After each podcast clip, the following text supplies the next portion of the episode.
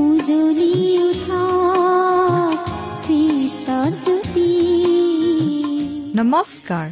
আমাৰ মৰমীয়াল প্ৰভু যীশুৰ মহান নামেৰে আপোনাক এয়া ভক্তিবচন অনুষ্ঠানলৈ আদৰিছো। খ্ৰীষ্টৰ জ্যোতি।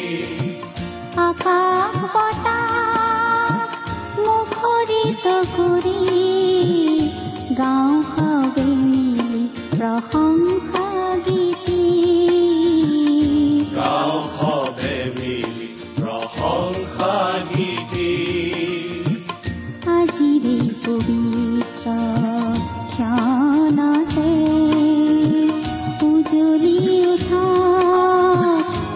উঠা জ্যোতি ঈশ্বৰে আপোনাক যি অসীম প্ৰেম কৰিলে তাক যদি অনুভৱ কৰিব বিচাৰে আৰু তেওঁৰ অগম্য বাক্যৰ মৌ মিঠা সোৱাদ ল'ব বিচাৰে তেন্তে আহক আজিৰ ভক্তিবচন অনুষ্ঠানটো মনোযোগেৰে শুনো। এয়া আপোনালৈ আগবঢ়াইছো। ঈশ্বৰৰ জীৱন্ত বাক্যৰ অনুষ্ঠান ভক্তিবচন।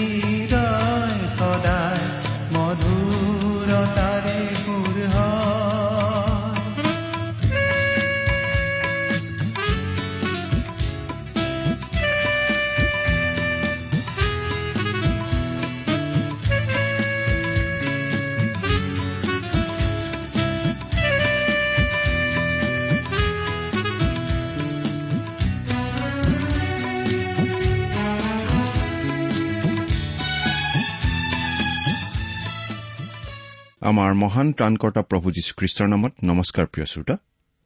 আশা কৰো আপুনি আমাৰ মহান পিতা পৰমেশ্বৰৰ মহান অনুগ্ৰহত ভালে কুশলে আছে।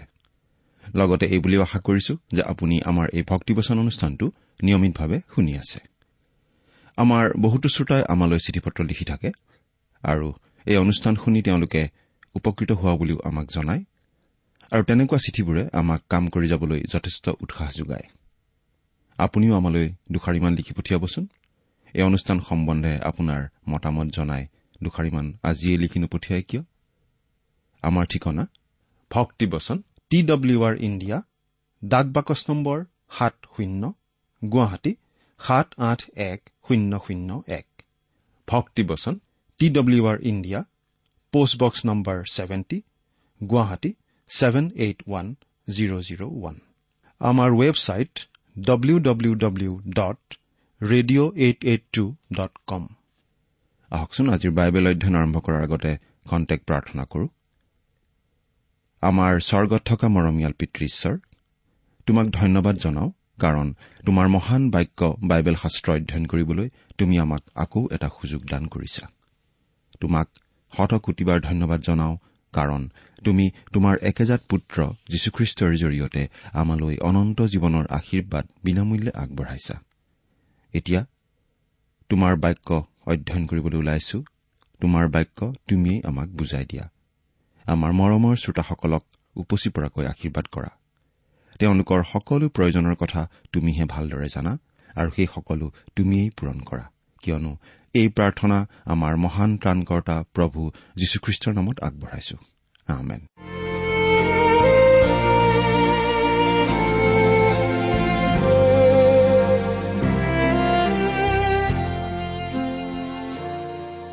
প্ৰিয় শ্ৰোতা আমি আজি কিছুদিন ধৰি বাইবেলৰ নতুন নিয়ম খণ্ডৰ ইব্ৰীবিলাকৰ প্ৰতি পত্ৰ নামৰ পুস্তকখন অধ্যয়ন কৰি আছো নহয়নে বাৰু? যোৱা অনুষ্ঠানত আমি এই ইব্ৰী পত্ৰখনৰ ছয় নম্বৰ অধ্যায়ৰ শেষৰটো পদলৈকে পঢ়ি আমাৰ আলোচনা আগবঢ়াইছিলো। গতিকে আজিৰ অনুষ্ঠানত আমি ইব্ৰী পত্ৰখনৰ সাত নম্বৰ অধ্যায়ৰ প্ৰথম পদৰ পৰাই আমাৰ আলোচনা আৰম্ভ কৰিব খুজিছো। প্ৰিয় শ্ৰোতা এই ইব্ৰী পুস্তকৰ বাকী অংশখিনিত সেই জীৱিত খ্ৰীষ্টৰ কথাই কোৱা হৈছে যিজন এতিয়া স্বৰ্গত পিতৃ ঈশ্বৰৰ সোঁহাতে বহি আছে আমাৰ বাবে নিবেদন কৰিবলৈ। এই বিষয়টো আজি খ্ৰীষ্টীয় বিশ্বাসীৰ সমাজত প্ৰায়েই অৱহেলিত হৈ আহিছে। আমি প্ৰভু যীশুখ্ৰীষ্টৰ ক্ৰুচীয় মৃত্যু আৰু কবৰৰ পৰা তেওঁ পুনৰুত্থিত হোৱা কথাটো সঘনাই কৈ থাকো। আৰু এই কথা অপূৰ্ব। মনত আনন্দৰ জোৱাৰ তোলা কথা তাত নিশ্চয় সন্দেহ নাই। কিন্তু আমি সেই জীৱন্ত খ্ৰীষ্টৰ কাষ চাপি যাব লাগে যিজন এতিয়া পিতৃ ঈশ্বৰৰ সোঁহাতে আছে আৰু আমাৰ বাবে এটা বিশেষ পৰিচৰ্যা কৰি আছে। তেওঁৰ সেই পৰিচৰ্যা আমাৰ বাবে কিমান বাস্তৱ আৰু কাৰ্যকৰী সেইটোৱেই আচলতে আমাৰ আম্মিক জীৱনটোৰ বাবে এটা বিশেষ ধৰণৰ পৰীক্ষাৰ নিচিনা। এই কথাটো আমাৰ আম্মিক জীৱনৰ বাবে এটা বেৰমিটাৰৰ যন্ত্ৰৰ নিচিনা। ইব্ৰী পুস্তকৰ এই বিশেষ বাৰ্তাটোৱে আপোনাৰ আম্মিক জীৱনত বাৰু কেনেদৰে প্ৰভাৱ পেলায়? ইব্ৰী পত্ৰখনৰ লিখকজনে মলকিছেদকৰ পৌৰহিত্য আৰু হাৰুণৰ পৌৰহিত্যৰ মাজত এটা তুলনা আৰু পাৰ্থক্য দাঙি ধৰা আমি দেখিবলৈ পাওঁ। এতিয়া পাঠ কৰি দিম ইব্ৰী সাত নম্বৰ অধ্যায়ৰ এক নম্বৰ পদ। ইয়াত আমি এনেদৰে পাওঁ কিয়নো সেই যি মলকিছেদক চালেমৰ ৰজা আৰু সৰ্বোপৰি ঈশ্বৰৰ পুৰোহিত আছিল। আৰু ৰজাসকলক সংহাৰ কৰি বাটত ওলটি অহা অব্ৰাহামক লগ পাই তেওঁক আশীৰ্বাদ কৰিছিল। এই কিয়নো বোলা সৰু শব্দটোৱেই পত্ৰখনৰ লিখকে বাৰে বাৰে ব্যৱহাৰ কৰিছে? ইতিমধ্যে কৈ যোৱা কথা আৰু পৰৱৰ্তী কথাখিনিৰ মাজত এটা সংযোগ স্থাপন কৰা শব্দৰ নিচিনাকৈ। এই কথাখিনিয়ে আমাক ছয় নম্বৰ অধ্যায়ৰ বিশ নম্বৰ পদৰ কথালৈ লৈ যায়। মলকিছেদক খ্ৰীষ্টৰ এটা প্ৰতীক বা ছবিৰ নিচিনা। ঐতিহাসিক বিৱৰণত মলকিছেদকক চালেমৰ ৰজা আৰু সৰ্বোপৰিজনাৰ পুৰোহিত বুলি কোৱা হৈছে। আদিপুস্তক চৈধ্য নম্বৰ অধ্যায়ৰ সোতৰৰ পৰা চৌবিশ নম্বৰ পদত আমি এই কথা পাওঁ। আদিপুস্তক চৈধ্য নম্বৰ অধ্যায়ত তেওঁৰ বিষয়ে আচলতে বৰ বেছি কথা কোৱা হোৱা নাই। আৰু আমি তেওঁৰ কথা আচলতে পাহৰিয়েই গলোহেঁতেন। কিন্তু ঈশ্বৰৰ আত্মাই তেওঁক পাহৰা নাই। আমি যেতিয়া গীতমালাৰ এশ দহ নম্বৰ গীতটো পাওঁ তাত আমি মচীহ অৰ্থাৎ প্ৰভু যীশুখ্ৰীষ্টৰ বিষয়ে এটা ভাৱবাণী পাওঁ। গীতমালা এশ দহ নম্বৰ গীতৰ চাৰি নম্বৰ পদটো পঢ়ি দিওঁ। জিহুৱাই এই শপত কৰিলে। তাৰ পৰা তেওঁ আৰু নুঘূৰিব। তুমি মলকিছেদকৰ ৰীতি অনুসাৰে নিত্য পুৰোহিত হোৱা। এয়া আকৌ মলকিছেদকৰ কথা। বাইবেলত উল্লেখ কৰা আমি পাইছো। আজি আমি আচলতে খ্ৰীষ্টৰ পৌৰহিত্যৰ দিনত বাস কৰি আছো। আজি অৱশ্যে বহুতো সমালোচক ওলাইছে যিসকলে এনে বেলেগ বেলেগ যুগৰ ধাৰণাটো বেছি পচন্দ নকৰে। বহুতো শিক্ষকে এই যুগ বা কাল বুলি শব্দটো উল্লেখেই নকৰে। আমি কিন্তু উল্লেখ কৰিবলৈ বেয়া নাপাওঁ কাৰণ বাইবেলত এইটো উল্লেখ আছে। বিভিন্ন যুগ বা কালবোৰ হৈছে সময়ৰ বিভিন্ন ভাগ বা কাল যিবোৰৰ মাজেদি মানুহৰ প্ৰতি ঈশ্বৰে কৰা ব্যৱস্থা আৰু ব্যৱহাৰৰ এটা পৰ্যায়গত ৰূপ আমি পাওঁ। উদাহৰণস্বৰূপে পুৰণি নিয়মৰ সময়ত হাৰুণ আছিল মহাপুৰোহিত। আৰু পৃথিৱীত এটা নিয়মতম্বু আছিল। আজি আমাৰ এজন মহাপুৰোহিত আছে কিন্তু তেওঁ আজি পৃথিৱীত কোনো ঘৰত বা মন্দিৰত পৰিচৰ্যা কৰি থকা নাই। তেওঁ আছে স্বৰ্গত পিতৃ ঈশ্বৰৰ সোঁহাতে বহি আৰু এই সময়তো তেওঁ তাতেই আছে। যদিও পুৰণি নিয়মত মলকিছেদকৰ কথা বেছিকৈ উল্লেখ কৰা হোৱা নাই কিন্তু এই ইব্ৰী পত্ৰখনতেই তেওঁৰ বিষয়ে কেইবাবাৰো উল্লেখ কৰা হৈছে। আমি এই ইব্ৰী পত্ৰৰ পাঁচ নম্বৰ অধ্যায়ৰ দহ নম্বৰ পদত এনেদৰে পঢ়িবলৈ পাইছিলো। আৰু মলকিছেদকৰ ৰীতি অনুসাৰে হোৱা মহাপুৰোহিত বুলি ঈশ্বৰৰ দ্বাৰাই অভিহিত হ'ল। আকৌ ইব্ৰী ছয় নম্বৰ অধ্যায়ৰ বিশ নম্বৰ পদত আমি এনেদৰে পঢ়িবলৈ পাইছিলো। সেই ঠাইত যীশু অগ্ৰগামী হৈ মলকিছেদকৰ ৰীতি অনুসাৰে নিত্য মহাপুৰোহিত হৈ আমাৰ নিমিত্তে সোমাল। এতিয়া এই সাত নম্বৰ অধ্যায়ৰ প্ৰথম পদত এনেদৰে কোৱা হৈছে কিয়নো সেই যি মলকিছেদক চালেমৰ ৰজা আৰু সৰ্বোপৰি ঈশ্বৰৰ পুৰোহিত আছিল আৰু ৰজাসকলক সংহাৰ কৰি বাটত ওলটি অহা অব্ৰাহামক লগ পাই তেওঁক আশীৰ্বাদ কৰিছিল। এই অধ্যায়ত লিখকে মলকিছেদকৰ বিষয়ে ভালেখিনি কথা ক'ব আৰু এই অধ্যায়টোৰ মূল চাবিকাঠি হিচাপে আচলতে আমি সোতৰ নম্বৰ পদটোকেই উল্লেখ কৰিব পাৰো। পঢ়ি দিছো। কিয়নো এই সাক্ষ্য দিয়া হৈছে যে মলকিছেদকৰ ৰীতি অনুসাৰে তুমি নিত্য পুৰোহিত হৈছা। যিহেতু যীশুখ্ৰীষ্ট মলকিছেদকৰ আৰ্হিৰ মহাপুৰোহিত বুলি আমি ইয়াত আলোচনা কৰিম গতিকে মলকিছেদকৰ বিষয়ে যিমানখিনি পাৰো জানি লোৱাটো উচিত হ'ব। গতিকে আমি আদি পুস্তকৰ চৈধ্য নম্বৰ অধ্যায়ত থকা কথাখিনিলৈ উভতি চাব খুজিছো।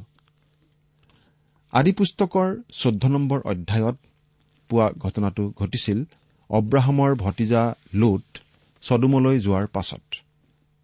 পূব দেশৰ ৰজা কিছুমান লগ হৈ পশ্চিমৰ ৰজাৰ বিৰুদ্ধে যুদ্ধযাত্ৰা কৰিলে অৰ্থাৎ সেই মৰু সাগৰৰ কাষত থকা ৰজাৰ বিৰুদ্ধে।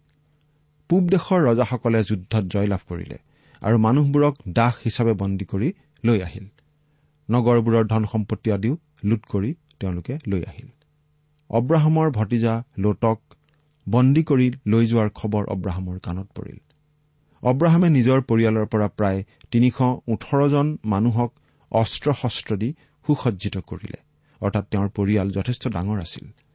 তেওঁ যুদ্ধলৈ লৈ যাব পৰা প্ৰতিজন পুৰুষৰ নিশ্চয় একোগৰাকী ভাৰ্যা আৰু অন্তত একোটাকৈ সন্তান আছিল। গতিকে অব্ৰাহামৰ লগত নিশ্চয় মুঠতে প্ৰায় এহেজাৰমান মানুহ আছিল। তেওঁ তিনিশ ওঠৰজন মানুহ ললে আৰু হঠাতে আক্ৰমণ কৰি পূবৰ ৰজাসকলক যুদ্ধত পৰাস্ত কৰিলে। তেওঁ যদিও আচলতে লোটক উদ্ধাৰ কৰিবলৈহে গৈছিল কিন্তু তাকে কৰোতে তেওঁ চদুমৰ ৰজা আৰু আনসকলকো উদ্ধাৰ কৰিবলৈ সমৰ্থ হ'ল। আদি পুস্তক চৈধ্য নম্বৰ অধ্যায়ৰ সোতৰ নম্বৰ পদত আমি এইদৰে পঢ়িবলৈ পাওঁ। এইদৰে তেওঁ কডলায়মৰক আৰু তেওঁৰ লগৰীয়া ৰজাবিলাকক হৰুৱাই উভতি আহোঁতে চদুমৰ ৰজাই তেওঁৰে সৈতে সাক্ষাৎ কৰিবলৈ চাবি উপত্যকা অৰ্থাৎ ৰজাৰ উপত্যকালৈকে ওলাই গ'ল। চদুমৰ ৰজাই অব্ৰাহামলৈ এটা প্ৰস্তাৱ আগবঢ়াইছিল। কিন্তু সেইটো অব্ৰাহামে গ্ৰহণ নকৰিলে।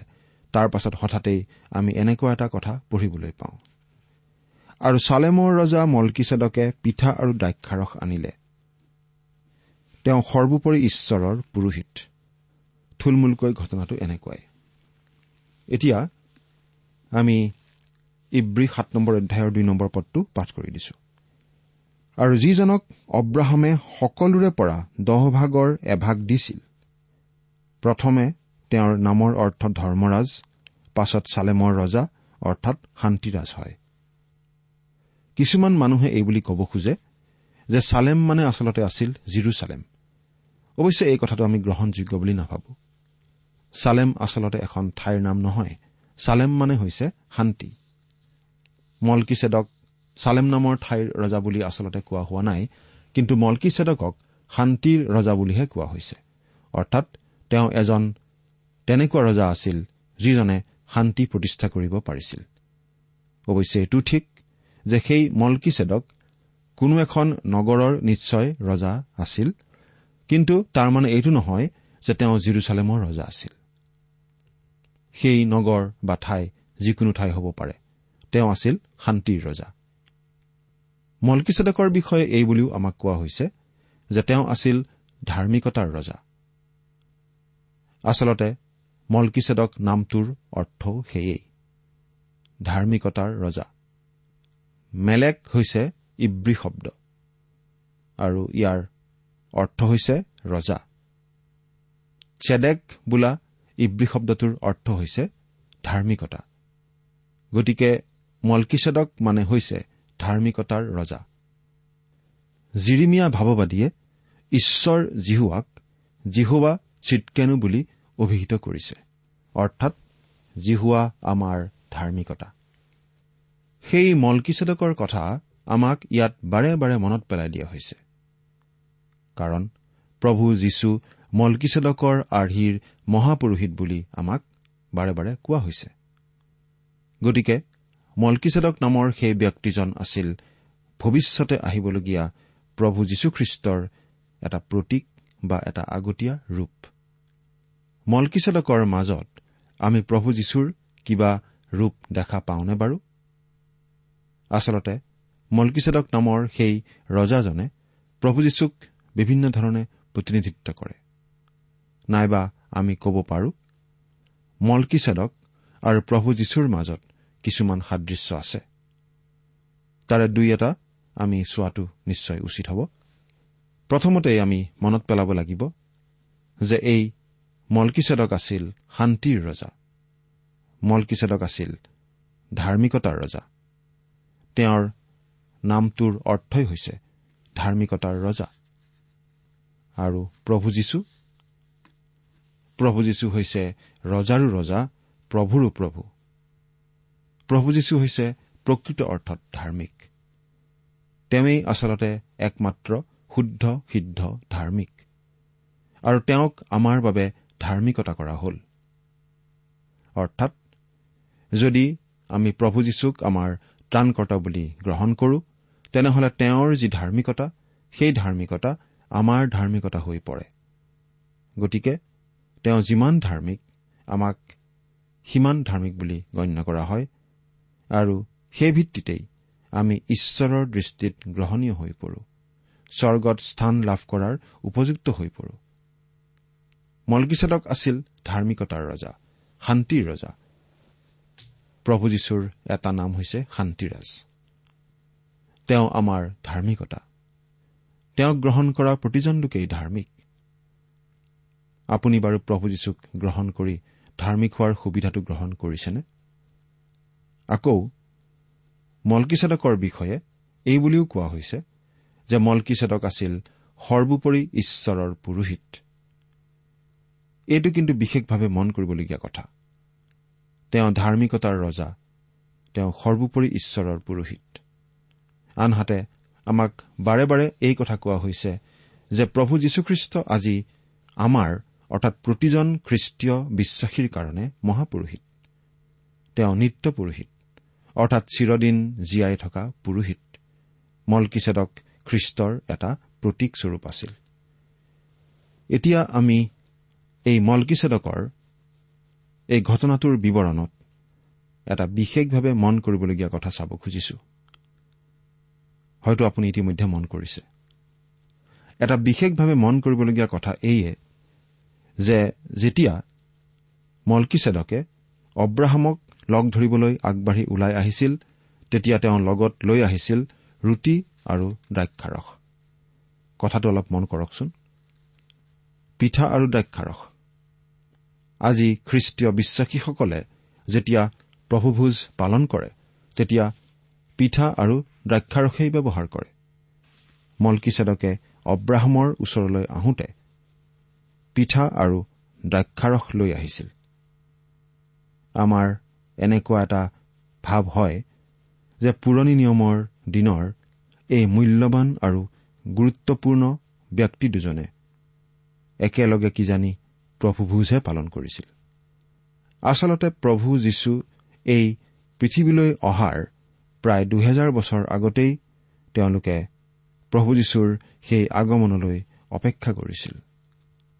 আজি আমি যেতিয়া প্ৰভুভোজৰ নামত পিঠা আৰু দ্ৰাক্ষাৰস গ্ৰহণ কৰো আমি বাৰু আচলতে কি কৰো?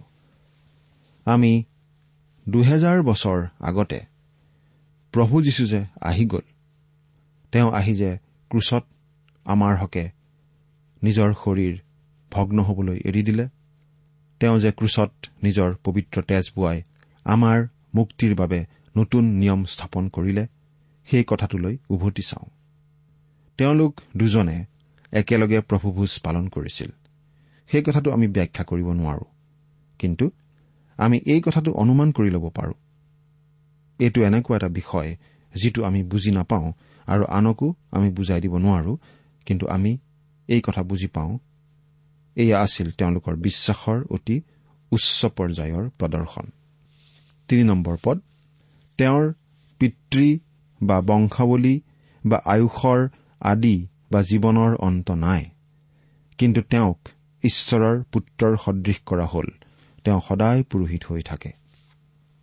ইয়াত মলকিছেদক খ্ৰীষ্টৰ এটা প্ৰতীক আৰু খ্ৰীষ্টৰ আন এটা ধৰণে তেওঁ প্ৰতিনিধিত্ব কৰে।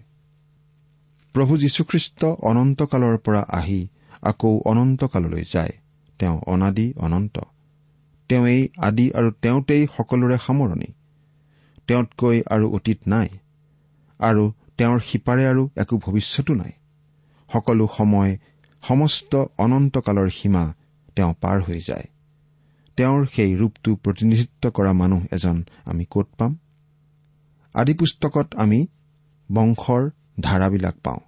অব্ৰাহামৰ পুতেক ইছাক ইছাকৰ পুতেক জাকুব আৰু এছৌ এনেদৰে আমি বংশৰ ধাৰাবিলাক পাওঁ। কিন্তু মলকিছেদক হঠাতে কৰবাৰ পৰা ওলাল আৰু আকৌ একো চিন চাপ নোহোৱাৰ দৰে আঁতৰি গ'ল। মলকিছেদকৰ বংশৰ ধাৰাটো বাৰু ঈশ্বৰে কিয় আমাক জনাই দিয়া নাই? কাৰণ পুৰোহিত হিচাপে খ্ৰীষ্ট সেই মলকিছেদকৰ আৰ্হিৰ হবলগীয়া আছিল। খ্ৰীষ্ট মলকিছেদকৰ আৰ্হিৰ পুৰোহিত। খ্ৰীষ্ট অনন্তকলীয়া তেওঁ ঈশপুত্ৰ সেইবাবেই তেওঁ অনন্তকলীয়া পুৰোহিত। তেওঁৰ পুৰোহিতালীৰ কেতিয়াও পৰিৱৰ্তন নহয় কাৰণ তেওঁ চিৰকাল স্থায়ী তেওঁ নিত্য পুৰোহিত। আদি পুস্তকৰ বৰ্ণনাত আমি পাওঁ যে অব্ৰাহামৰ ওচৰলৈ মলকিছেদক আহিছিল অতি উপযুক্ত সময়ত। অব্ৰাহাম আচলতে প্ৰলোভনত পৰিব ধৰিছিল আৰু তেওঁক উদগনি দি অনুপ্ৰেৰণা যোগাবৰ বাবে কোনোবা এজনৰ প্ৰয়োজন হৈছিল। মলকিছেদকে ৰুটি আৰু দ্ৰাক্ষাৰস লগত লৈ আহিছিল আৰু তেওঁ আছিল সৰ্বোপৰিজনাৰ পুৰোহিত। আচলতে শাস্ত্ৰত ঈশ্বৰক এই প্ৰথমবাৰ সৰ্বোপৰি ঈশ্বৰ বুলি উল্লেখ কৰা হৈছিল।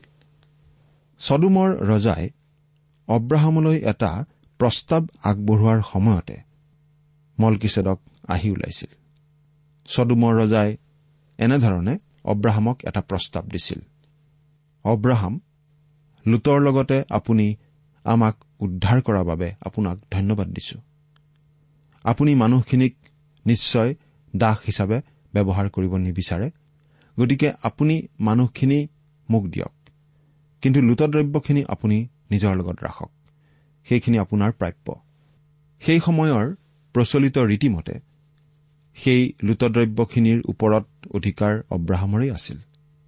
কিন্তু অব্ৰাহামে এনেদৰে উত্তৰ দিছিল নাই মোক নালাগে। আপোনাৰ পৰা মই আনকি জোতাৰ ফিটা এডালো নলওঁ। আৰু তাৰ পাছত ঈশ্বৰে আব্ৰাহামক দেখা দিছিল।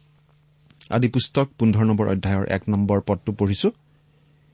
এইবোৰ ঘটনাৰ পাছত দৰ্শনত অব্ৰামলৈ জিহুৱাৰ বাক্য আহিল বোলে হে অব্ৰাম ভয় নকৰিবা ময়েই তোমাৰ ঢাল আৰু মহা পুৰস্কাৰ স্বৰূপ হৈছো। মলকিছেদকে অব্ৰাহামক সহায় কৰিছিল। আজি প্ৰভু যীশুৱে মহাপুৰোহিত ৰূপে আমাৰ প্ৰতি সহায় আগবঢ়ায়। আজি যদি কোনো খ্ৰীষ্টীয় বিশ্বাসীয়ে এই কথাটো অনুভৱ নকৰে আৰু হৃদয় আৰু জীৱনত খ্ৰীষ্টৰ আশীৰ্বাদ উপভোগ কৰিব পৰা নাই তেনে লোক আম্মিকভাৱে কেঁচুৱা হৈ থকাৰ বাবেহে সেই অৱস্থা হৈছে বুলি আমি ক'ব পাৰোঁ। প্ৰিয় শ্ৰোতা আপোনাৰ জীৱনৰ সংকটৰ কালত খ্ৰীষ্টই আপোনাক পৰিচৰ্যা আগবঢ়াইছেনে? তেওঁ আপোনাক প্ৰতিদিনে আশীৰ্বাদ কৰে বুলি আপুনি অনুভৱ কৰেনে? আদি পুস্তক চৈধ্য নম্বৰ অধ্যায়ৰ ঊনৈশ নম্বৰ পদটো আকৌ চাওক। তেওঁ অব্ৰামক আশীৰ্বাদ কৰি কলে স্বৰ্গ আৰু পৃথিৱীৰ অধিকাৰী সৰ্বোপৰি ঈশ্বৰৰ পৰা অব্ৰাম আশীৰ্বাদপ্ৰাপ্ত হওক। আমি সেই সৰ্বোপৰিজনৰ বিশ্ব ব্ৰহ্মাণ্ডখনতেই বাস কৰো। তেওঁৱেই ইয়াৰ গৰাকী। কিন্তু সেই সকলো আজি আমাক তেওঁ দিছে। আপুনি সূৰ্যোদয় উপভোগ কৰেনে? তেওঁ আপোনাৰ বাবে সেই সূৰ্যোদয় ৰাখিছে। সেই কথাটোকে ভাবি আপুনি বাৰু তেওঁক ধন্যবাদ দিছেনে? প্ৰিয় শ্ৰোতা জীৱিত প্ৰভু যীশুখ্ৰীষ্ট আপোনাৰ বাবে নিবেদন কৰিবলৈ এতিয়া স্বৰ্গত আছে। সেই প্ৰভু যীশুখ্ৰীষ্টক আপুনি নিজৰ ত্ৰাণকৰ্তা আৰু প্ৰভু বুলি গ্ৰহণ কৰিছেনে বাৰু? তেওঁ আপোনাৰ বাবে কিমান বাস্তৱ বাৰু? চিন্তা কৰি চাওকচোন। ঈশ্বৰে আপোনাক আশীৰ্বাদ কৰক। আহমেদ যেতিয়া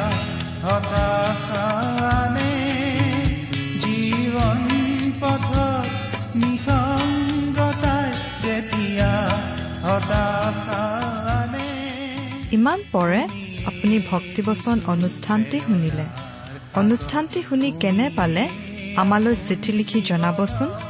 অনুষ্ঠানত প্ৰচাৰ কৰা কোনো কথা বুজিব লগা থাকিলেও আমালৈ লিখক। আমাৰ ঠিকনা ভক্তিবচন টি ডাব্লিউ আৰ ইণ্ডিয়া ডাক পাকচ নম্বৰ সাত শূন্য গুৱাহাটী সাত আঠ এক শূন্য শূন্য এক। ঠিকনাটো আৰু এবাৰ কৈছো ভক্তিবচন টি ডাব্লিউ আৰ ইণ্ডিয়া ডাক পাকচ নম্বৰ সাত শূন্য গুৱাহাটী সাত আঠ এক শূন্য শূন্য এক। আপুনি ইমেইল যোগেৰেও আমাৰ সৈতে যোগাযোগ কৰিব পাৰে। আমাৰ ইমেইল আইডিটো হৈছে Assamese T TV at radio' eight eight two dot com. আইডিটো আকৌ এবাৰ কৈছো। Assamese T TV at radio' eight eight two dot com. আপুনি টেলিফোনৰ মাধ্যমেৰেও আমাক যোগাযোগ কৰিব পাৰে। আমাৰ টেলিফোন নম্বৰটো হৈছে শূন্য তিনি ছয় এক দুই ছয় শূন্য চাৰি ছয় সাত এক। ফোন নম্বৰটো আকৌ এবাৰ কৈছো zero' three six one two six zero' four six seven one. আজিৰ অনুষ্ঠানটি ইমানতে সামৰিছো। ঈশ্বৰৰ শান্তি আৰু অনুগ্ৰহ আপোনাৰ লগত থাকক। ধন্যবাদ। সাধনা জীৱন তুমিয়ে গভীৰ সান্তনাৰ সাগৰ